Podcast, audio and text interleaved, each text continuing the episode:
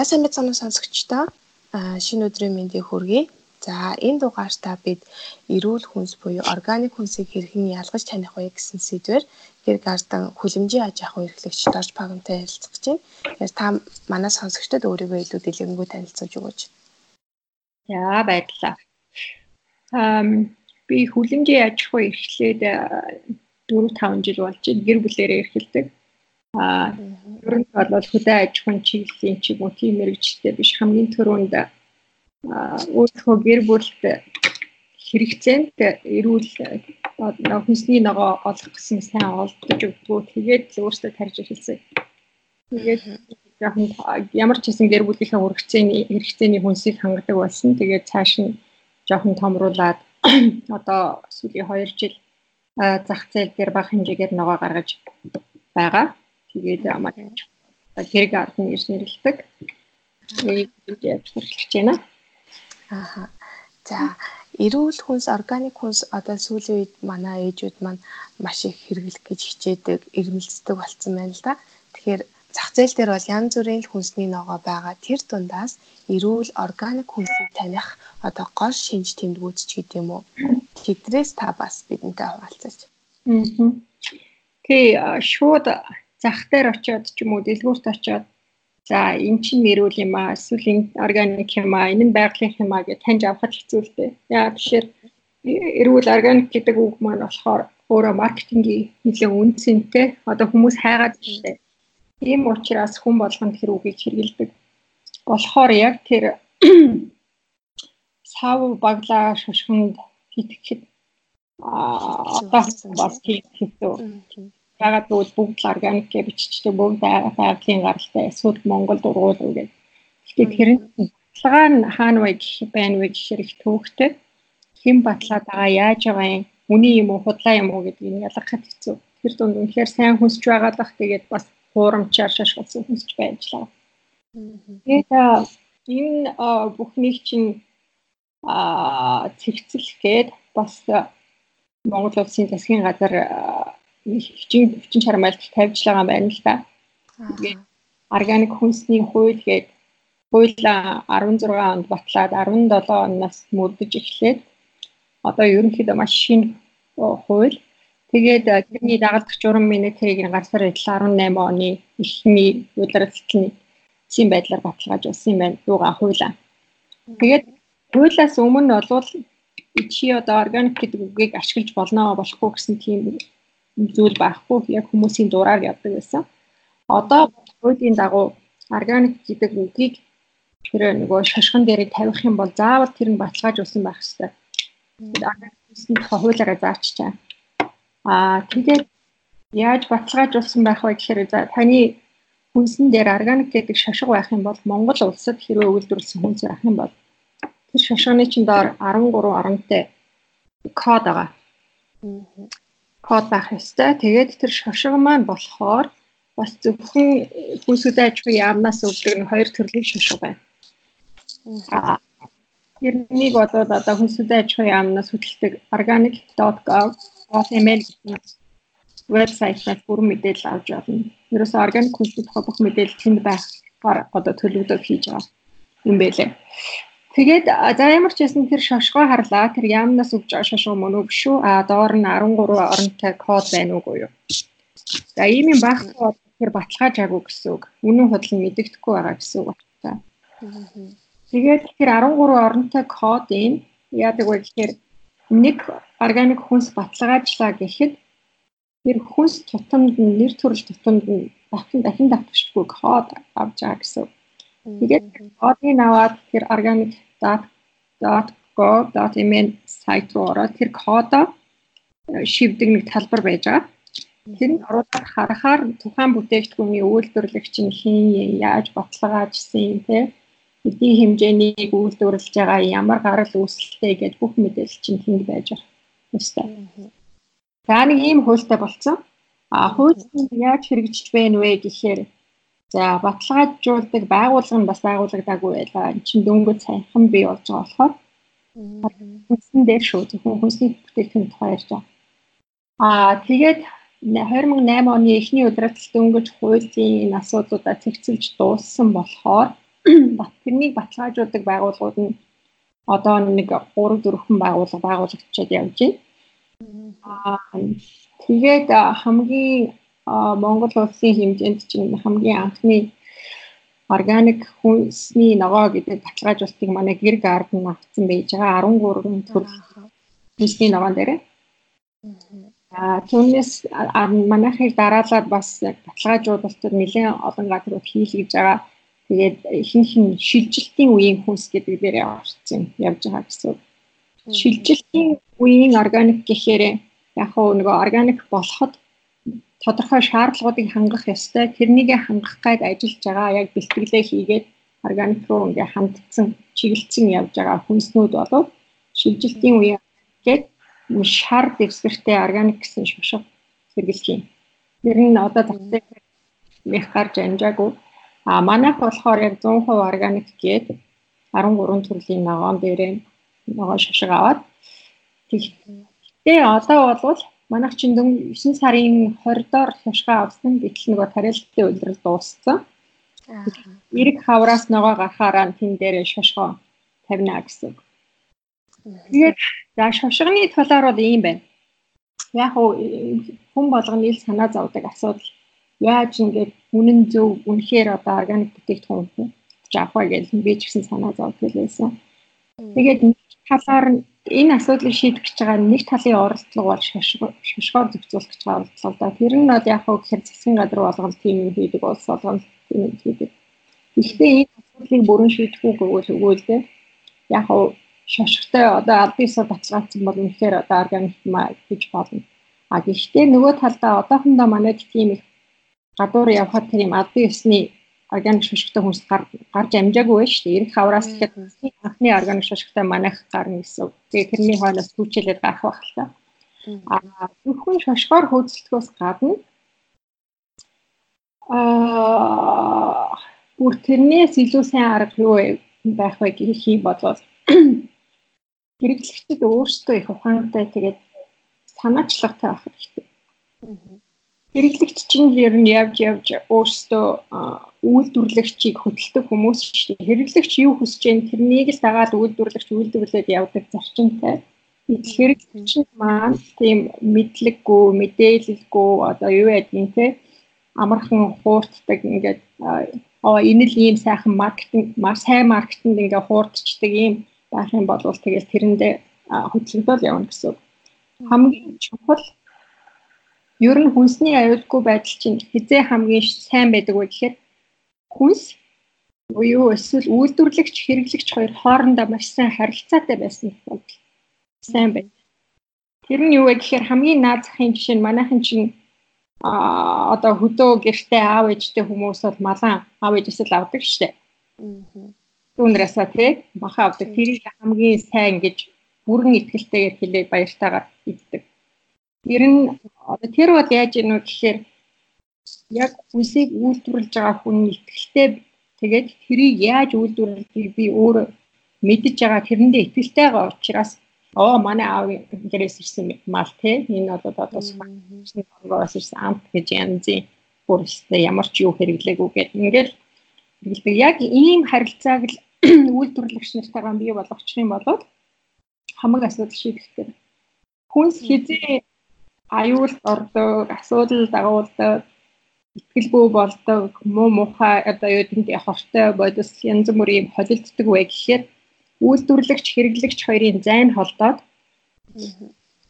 тий алсын зайнаас тээвэрлээ эсвэл дундуур нь маркет руу ороод маркетинг хийж үнийн нэмэд зараад эсвэл их хэмжээгээр үйлдвэрлээд бүр ингээ холын экспорт нь бид нар гаргасан ийм тохиолдолд хүнсний чанар дандаа алдагдчихийдэг.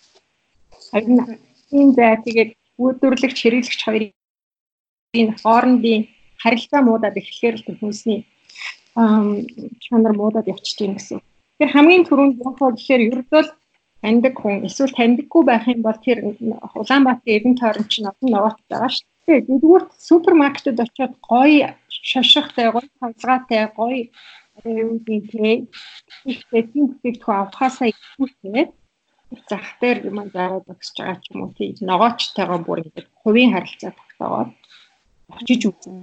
Тэ? Шаардаад ингээд хэрэглэгчид ийм ухаантай хандаад ирэх юм бол тийм үйлдвэрлэгчд одоо тэрийг давхар харахгүй болж таарч байгаа байхгүй. Тэр одоо хүнсний өөрийнхөө хүнсэнд одоо юу тавьж байгаа. Тэгэхээр хоёрдугаар тэгээд хэрэглэгчд үйлдвэрлэгч хоёр ч хоорондоо ойрхон болохоор хэрэглэгчдийн төлөх зардал бас багасаад ирдэг. Шууд нөгөө нэг юу гэж хэлээд байдаг хамгийн богино дамжлага гэж хэлээд байгаа шүү дээ хүнсний энэ дамжлагчин богино болоод ирэхээр үйлдвэрлэгч талдаа ч гэсэн зардал багасдаг үйлдвэрлэгч богино дамжлагаар шууд ингээд ногоогоо хураагаад одоо нөгөө задгаа ногоон дээр маань шошго маань яаж наагдах уу? Тэр дээр бас та тодорхой мэдээлэл өгөөч. Тэгэхээр наад шошго чинь тийм төгс шийдэл биш гэдэг нь үнэн байхгүй юу? Аа. Ядсан шийдэл баг. Шошго наахын тулд яах вэ гэхээр үйлдвэрлэгчид эхлээд юугаа савлах хэрэгтэй болно.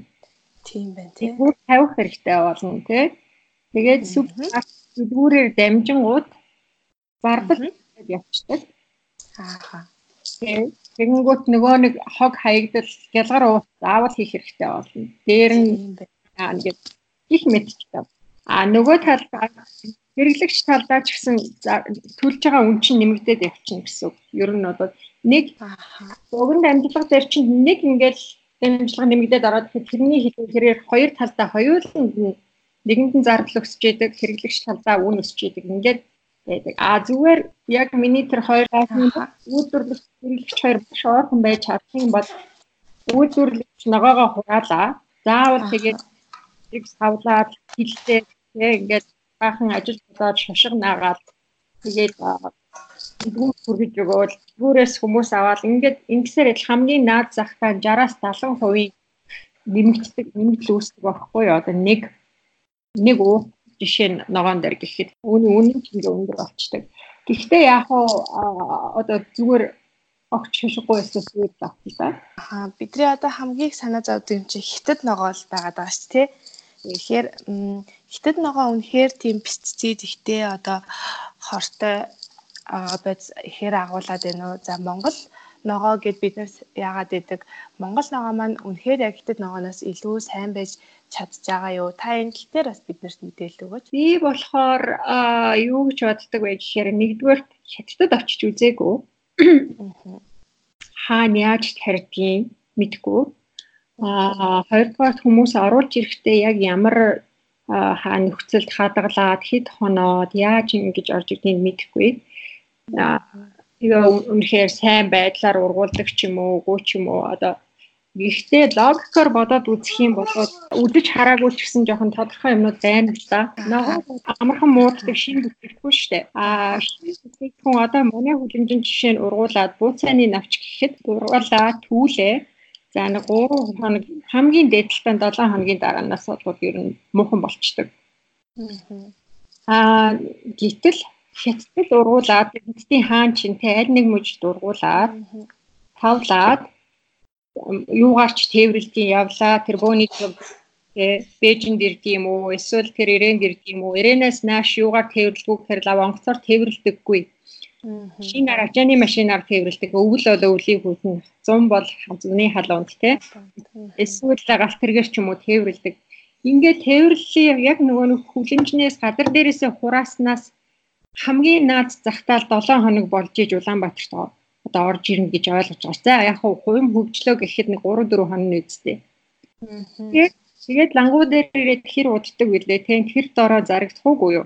Гэх мэт чинь тэгэнгүүт ингээд бодох юм бол эдэн дээр байгаа амьд байгаад байна, ногоонороо байгаад байна гэж чинь айгүй асуудалтай гэсэн. Зүгээр би өөрөө нөгөө тариалдаг хүн мэддэг болохоор ер нь бол энэ навчт ногоонууд шин ногоонууд бол дороо л шарпаад муудаад явчихсан шүү дээ. Чинь амьд хүнстэй тийм удаан хугацаагаар байх тийм болцоо байхгүй. Тэгэхээр яг удаан хугацаагаар э, нөгөө өнгөтэй ингээд байлгаад байт юм бас чидтэй юм шиг байгаа. Нэгдүгээр хэрэглэдэг би мэдгүй. Хоёрдугаар болохоор ногооноор нь байлаа гэхэд тэр дотор байгаа шимт хижээлийн бодис нэтэрэг бодуугаасаа байхгүй зүгээр харахад хүнс болоо ч нэг хост хүнс гэдэг нэг юм empty food гэдэг. Тэр нь тийм хүнд хэрэгтэй юм баг байхгүй болчдөг. Энэ бол хинжлэгээ судалгаа лабораторийн юу хийсэн тийм мэдээлэл аваагүй ч гэсэн зүгээр логикоор бодоод үзэхэд тэнд ерөөсөө нэг тийм хэрэгтэй юм үнэхээр ховор. Аа гэж боц. А яг удаан хадгалагддаг хүнснүүд бас байна л да. Пампкин ч юм уу тий хулуу өдрүүд хальстай нэг сар мар бол дэжгүй тисчдэг. За тэдний өөр байж магадгүй. А гэхдээ бас нөгөө нэг индикатор нь бол үн шээ. Яаж хүн орж ирж байна уу тий? Дээр нь чинь хилээр орж ирэхдээ зөндөө олон юм болж орж ирдэг үстэй мэрэгжлийн хяналтын одоо шалгалтаар орд юм уу мүү дээр нь тэгээд зардлын хувь тээврийн зардал татвар одоо юу байдгийг тэг ол маш олон гар дамжиж байгаа учраас тэр дамжуулж байгаа хүн болгон өөртөө хувь авж байгаа шүү дээ тэр ногоо хүн худалдаж авж байгаа тэр үннээс чинь зөндөө олон хүмүүс хувь авчаад тэгээд орж ирсэн байхад тэгэхэд тийм хямдхан байна гэдэг чинь. Ер нь бол бас бодоход хэцүү л дээ юм өөртөө хүнс бол ялангуяа хүнс бол хямдхан байхад хэцүү дээ чанартай сайн юм бол ажиллагаа шаарддаг дотор нь орцсон сайн байх хэрэгтэй гэдэг ингээ явцдаг. Тэгэхээр тэр хоосон юмнууд л хүн одоо хим хямдхан байх болцоотой шүү. Ийм хоёр индикатороор бол би хятад хүнсийг аа сайн хэлж чадахгүй дээр нь тэгээд угаасаа ч би хэрэглэх дуургүй нөгөө хэрэглэхгүй гэж үзсэн учраас ийм бизнес хийж эхэлсэн гэдэг. А Монголын хувьд бол Монгол нөөцийн хувьд бол Яаж ч байсан дээр хятадаас яаж ч байсан дээр. Яагаад вэ гэхээр нэгдүгээр тэр урт дамжлагыг дамжихгүй байгаа юм. Богино дамжлагыг чинь өөрөө нэмэх оноо. Холын замд муудуулахгүй тулд элдв нөөцлөгч хийгээгүй гэсэн. Тэр нэг шипризээр юм хом хийгээл идэв шүү дээ. Хэвээ нэг тэр чинь бас үнний ортой байхгүй юу. Тэгэж янз бүрийн хийх бол чинь ингэж шинээрэн байх болцоо байхгүй. А Монголд бол тэгэх ойрын дамжлага нь ойрхон учраас хийх шаардлага нь бага. Нэгдүгээр хоёрдугаар Монгол орны хөрс чинь харьцангуй бас нөгөө шинэхэн хөрс учраас дээр шиг хүнд үйлдвэр их хөгжөөгүй. 2000 хэд 15 6 оны үед нэг гарсан шууган тарьсан нэг артикл гараад шүү дээ. Хятадын хөрс биш дээ 80% нь ердөө ус хөрсөн. Оо тийм үү. Тэр гарсан гэдэг. Тэр нь яг хүнд үйлдвэрүүдтэй тэрний хор бол ерөөсө хөвсөнд нь байж идэв. Тэгэхээр хятадын одоо хамгийн сайхан сэтгэлтэй ногоочин ч гэсэн органикаар тарья гэдэг ингээд өөрөө нэмж хор хийхгүй байлаа гэхэд үндсэн өвөгдөл нь тийм газар ус нь бол аль хэзээ хордцоо. А манай бас одоо манай ногооч өөртөө хордуулдаг л да. Ааха. Ацсангүй арай дээр гэж үзэх нь. Тийм учраас ямар ч тохиолдолд бол хэрвээ Монгол ургуулсан гэж үнэн л хэлж байгаа бол одоо Монголын сонгосон дээр тий. Аа. Өвөл ер нь ногоо хідэн төрлийн ногоо гаргадаг бай. Хэр бас нөгөө аа хүртээмжтэйгээр гэх юм уу? Аа мань чадж байгаа бай.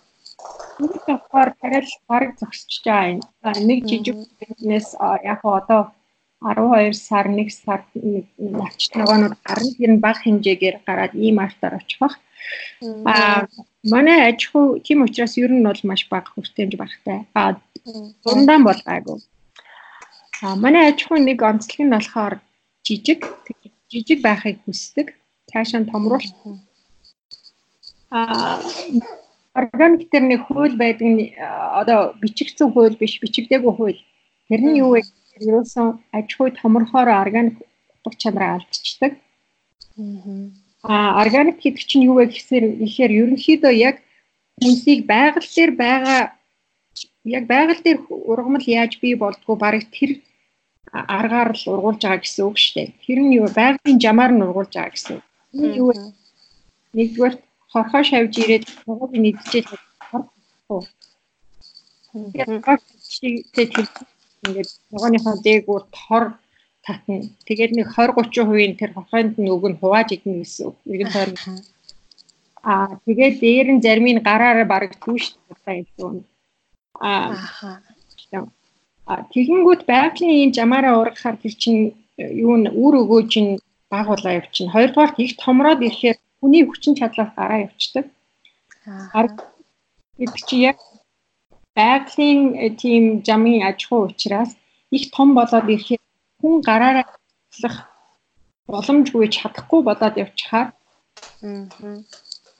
Тэрээс органик биш болчдөг гэсэн. Том аж ахуйнууд тийм болохоор органик биш байдаг. Ааха. том их том хэмжээний аж ахуйн органик байх болцоочгүй. Том болоод ирэхээр чинь бараг л нөгөө онгоцоор л хор цацдээ дээ. Ааха. Тийм учраас чиг гэр бүлийн аж ахуйнууд чинь нөгөө органик аж ахуйнуудын жинхэнэ төлөөлөл болж явдаг. Аа. Тийм тийм учраас манайх бол тийм жижиг аж ахуй а нэг 200 адил таньд чинь худалтай шүү дээ. Аа. Тэгээд нэг талаараа тийм а гэхдээ бол монголчуудын хувьд бол бас энэ жижиг аж ахуй нэг тохиромжтой зөндөө олон тийм жижиг жижиг хүлэмжийн аж ахуй Улаанбаатар тойроод дүүрэн байна. Их том эзний нарийн дагуу том аж ахуй байхгүй шүү дээ. Одоогор дандаа жижиг аж ахуйнууд байж байгаа. А үр тариаг л их том хэдэн зуун гагаар нь тавьдаг. Тэр бол өөр асуудал. Нэг Улаанбуудад тариалдаг. А хүнсний ногоонд жижиг аж ахуйнууд байдаг. А жижиг аж ахуйнууд маань яг аргаан сайн олохгүйгээр бас хор эдэр хэрэглээд явдаг тохиолдлууд байдаг юм байлээ. Аа. юм байлээ. Тэгээд хоргүй ингээд органик байна гэхээр зарим хүн бод одоо ялангуяа цэлэнгийнхээ эдэр бол их гайхдаг нөө юу аа тийм хараад нэлээ хэдэн болсон. Тэгээд эхнээсээ ингээ хор хэрэглээс сурцсан хүмүүс. Гэхдээ бас одоо сургалтууд явдаг. Үүнд ялангуяа хөдөө аж ахуйн яамны органикийн хилцсэн би Нүбийн хүнсээ зайлтхан байгууллагын төсөл байдгийг тэр өдөр манай хол сургалтанд нэлээд суудаг. Тэгээ би өөрөө бас сургалт зарим хүмүүс байгалийн аргаар органикаар аж хүүлдэг. Ингээд гээд ингээд олон олон яж жижигхэн аж ахуйнууд органик үйлдвэрлэлээр шилжээд Улаанбаатарын хүм ам хэсэг нь органик хүнсийн ногоо идчих болцоотой да. За органик хүнсийг ер нь бол шашхоор хоёрдугаарт бол үйлдвэрлэгчтэй илүү нарийн ойрхон харилцаатай байхаараа л ялгаж таньж болох нь гэж ойлгох нь. Тэ тэрнээс бол одоо ингээ гаднаас нь хараад ч юм уу үнэртэд бол ялгах боломжгүй тэ. Шүү дээ. Тэр чинь харин ч органик нь жоохон царай муутай байдаг шүү дээ. Ааха тий. Манайх эдэр бол нэг тийм хорхоо морхоо ингээд эцэн цоорцсон навч тэгээ эдэр байд. Тэгээд тэр болвол тэгээд том жижиг гой гялгар өнгөтэй биш ингээ харахад царай муутай жижигхэн эдэр нэг тиймэрхүү юмуд байдаг. Шинж тэмдэг болж болох боловч наа бас тийм яг тийм сайн гэж юм бол бас худлаа. Тэгэхээр жоохон аа одоо бас сая хийсэн нөгөө өттэй гээд брокколиг гэхэл айгүй хөттэй байдаг гээд бас ер нь хаамуутаагаад байдаг ч тийм. Тэгэхээр өттэй байна гэдэг нь өөрөө органикийн илэрхийлэл болж гин гэж бас ойлгож болох уу? Органикийн илэрхийлэл болоход болж гин гэж ойлгоход хэцүү. Ааха. Ягаад гэвэл гэхээр за нэг удаа хор цацсан байлаа. Аа. дахиад нэг хэсэг хугацаанд цацахгүй байж тал өөтө орсон ч юм эсвэл тэр цацдаг хорон тэр өтөнд үйлчлээгүй ч юм уу тийм тохиолдол байж болно. Аа тэгээ байнгын хор цацдаг цэв цэвэрхнээс ер нь бол дээр гэсэн. Аа. Ямар ч ихсэн үттэй байна гэдэг маань яаж чийсэн гэсэн тэр үт үгүйгүй байна гэдэг чинь тэр үтийг алчих хэмжээний хор тэнд байхгүй дээ. Үзүүлэлт ч дээ.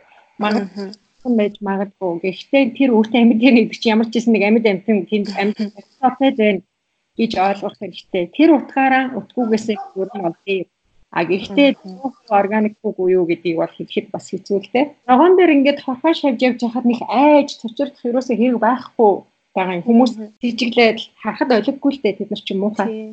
А гэхдээ би бол бараг л сайн ингээд хамтдан аваад идчихмээр. Нүнүүдээ аваад нэг давстай хүүтэн усанд нэг жоохон байлгаад. Тэг. Тэгээд хөв зарим нь хөвөд гараад ирэн тэрийн сайхан цэвэрлээд тэгээд идчихэхэд ер нь бол а зүгээр тэнд хорхоо явж гинэ хүүт явж гинэ гэдэг чинь нөгөө шимт хижил байгаагийн шинж тэмдэг байхгүй юу? Тэр хорхоо жижиг хорхоо шавь чинь биднээс илүү аль нь нарийн шимт хижилтэй аль нь идчихээр юм байна гэдгийг чинь мэдээд тэнд явж байгаа шүү дээ. А юу хүний аманд тоож хийхээргүй идэхэд хэрэггүй юм байсан бол тэр хорхоо шавьд чинь ч гэсэн бас нэг тоохгүй дээ бараг. Одоо нөгөө өвлийн үйлрэлд шинэ ногооны олдоц муу болчоор ихийг ээжүүд маань намартаа хөлдөөгөөд өөртөө хөлдөөгөөд хэрэгжилчдэг нөөцөө базаачдаг тий. За тэгээ бүр нөөц нь дуусчлаа. За эсвэл базааж амжааг байлаа гэхэд бэлэн нөгөө хөлдөөс ногоонууд идэж гадны. Тэдгэрийг хэрэглээд идэг. За тэдгэрийн тухай та бас ямар бодолтой байдаг вэ? Монголдоо ер нь хөлдөөдөг тийм аж ахуй байдаг уу? Тэгээд ялгаагүй ч тэндээ яаж ургуулсан бүүмэд, яаж хөлдөөсөн бүүмэд ер нь бол аа тэгээд тэр их холоо. Одоо жишээ нь Европоос эдэр хөлдөөсөн брокколи ороод ирлээ л гэдэг байгаа. Тэгээд тэр нь тийм нэг хүн биш шүү дээ. Хямдтар. Тэгээд тэгэхээр тэр дотор юу байгаа вэ гэдг нь бас мэдэхгүй. Тэр нэг түрүүнд хэлсэн чинь логикоор дүгнээд үзэх юм бол яаж чижсэн гэсэн хамгийн гол нь өөртөө ойрхон бий болсон. Нөгөө нэг газарны хувьд те богино дамжлагаар ойрхон бий болж ирснийг сонгосон зүгээр. Манай ээжүүд айгүй сүүлийн үед мундаг болсон байлээ л дээ чиний хэлснээр ингээд намар чинь ногоо маш хямдхан үнээр ногоогоо зардаг. Тэр үед нь ингээд сайхан цэвэрлээд хөлдөөгöd авчих нь бол хамгийн зөв шийдэл яагаад тэгээд дээр нь чинь нэг Монгол аж ахуйгаа дэмжиж байна. Хоёрдугаар өөрийн газар зүйн хувьд өөр өөрөөсөө хамгийн ойрхон зайд байгаа хүнс гэдэг чинь хамт чилсэн гэж бодох хэрэгтэй. Тэгэхээр тэрнийг чинь те тэгээд дараа цэвэрлээд хөлдөөгöd авчна гэдэг чинь яаж хөлдөөсөн яасан ийсэн одоо жишээ нь тийм идэхгүй идэр ашиглаагүйгээр хөлдөөцсөн энийг өөрөө мэдж байгаа. Тийм учраас эзэгтэй нар одоо гэрийн эздүү зарим эрэгтэйчүүд ч гэсэн мундаг байдаг. Хэрэглэгчд маань өөрсдөө яг айл болохоор өөрсдөө тэр үйлдвэрлэж байгаа процесстэй нь ойрхон айл болохоор ингээд өөрийнхөө гар сэтгэлийг тэндээ оролцуулаад энэ хүнс бий болж байгаа процесс өөртөө оролцоод явах юм бол энэ асуудлуудыг нэг нэгээр ингээд гаргаж хаяад арчаад явна гэсэн үг шүү дээ. Тэгээ хамгийн хэрвээ тэр дамжлагч багсаар яад магадгүй өөрөө чи өөрөө хүнсээ үйлдвэрлэх юм бол тэр бүх асуудлууд байхгүй болно шүү дээ. Йоо гоо ёо нөө ханаас ирсэн тэ хоосон Тэгэхээр үндсэндээ ойрхон бай үйлдвэрлэгч нартайгаа илэн тод ил тод харилц. Тэгээд дээр нь тэднэртэй шаардлага тавь те тэгээд дээр нь тэдрийгөө дэмж. Энэ Монголд үйлдвэрлэж байгаа хүмүүсээ дэмжихгүй болоод тэд нар чинь хэдэн жил зүтгэж байгаа. За за за ингээл гарна штэ. Тэгээд хэрэг үйлдвэрлэгч хоёр хоёулаа хоёр талаасаа оролцож байж энэ хүнс гэдэг юм чинь эрүүл байх болцоо те. Хэрэглэгч зүгээр л нэг энэ үйлдвэрлэгч авчраад өгөх ёстой, сайн хийж өгөх ёстой гэдэг ингээд суугаад бэлэм хараад ахаар яадаг вэ гэхээр үйлдвэрлэгч хэрэглэгч хоёрын дундуур олон юмнууд орж ирээд нөгөө ялангуяа маркетинг бол асар хүчтэй орж. Тэгээд зүгээр нөгөө бэлэм харж байгаа сууж байгаа хүн дээр чинь гоё цаастай, гоё амлалт, гоё шимшгнүүд ороод ирдэг.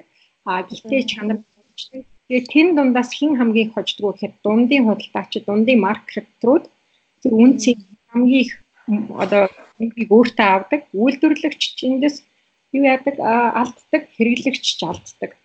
Тэгэхээр хамгийн л одоо зөв шийдэл бол хувийн харилцаа тогтоо тэр ногоочтой утас шүрмсөө солилц тэгээ асуулт сайн асуултууд асууж та яа тийм энийг яаж ургуулдیں۔ Та химийн бодис хэрэглэдэг юм уу, гүү мө?